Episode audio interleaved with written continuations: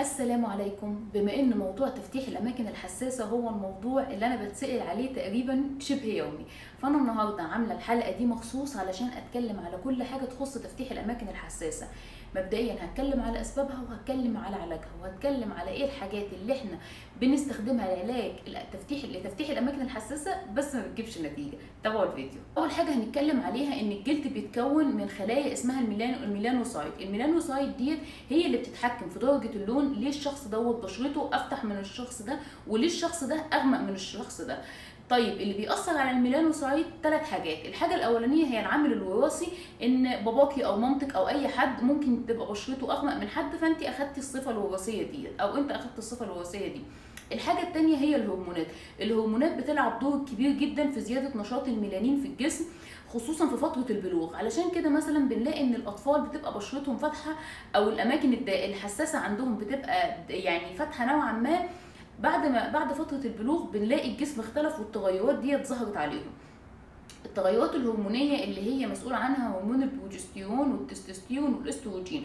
علشان كده الأماكن الحساسة وال breast nipple بتكون أغمق عن باقي الجسم. علاج علاج التصبغات اللي بتكون بسبب الهرمونات ملها يعني ملهاش علاج قوي جدا أو سريع دايما بتتعالج بالكريمات الموضعية الخفيفة اللي بتساعد على تفتيح درجة البشرة له درجة أو اتنين. لكن ما بتجيبش نتيجة لأن التفتيح مش هي يعني مش هيغير حاجة في خلقة ربنا. دي الهرمونات ولعبه دور أساسي فيها. لكن بتجيب نتيجة لو الهرمونات كانت متغيرة خلال مثلا فترة الحمل أو الرضاعة تغيير الهرمونات خلال الفترة ديت آه بيساعد إن الجسم يرجع للونه الطبيعي الحاجة الثالثة من أسباب التصبغات هي الالتهابات، الالتهابات ديت بتكون على شكل إيه؟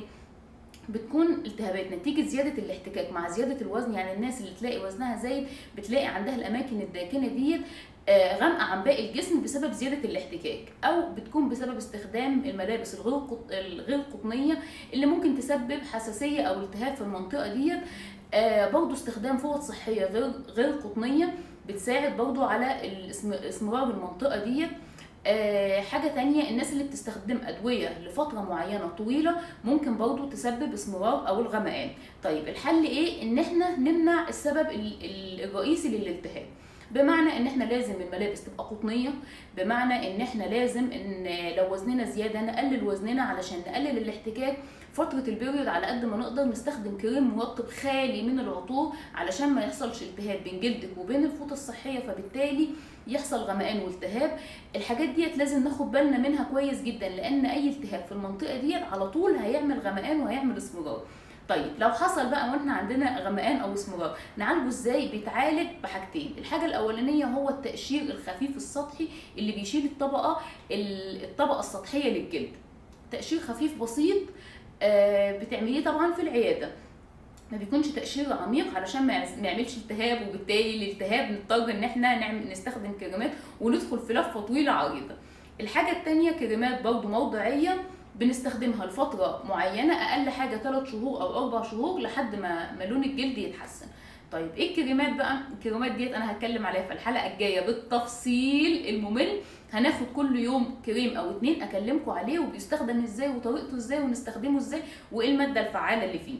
مبدئيا ما تنسوش ال like ما تنسوش ال subscribe لقناة اليوتيوب لو أنتوا بتتابعوني على اليوتيوب ما تنسوش لو أنتوا بتتابعوني على الإنستجرام ما تنسوش ال like وبإذن الله الفيديو الجاي هتكلم على كريمات التفتيح بالتفصيل.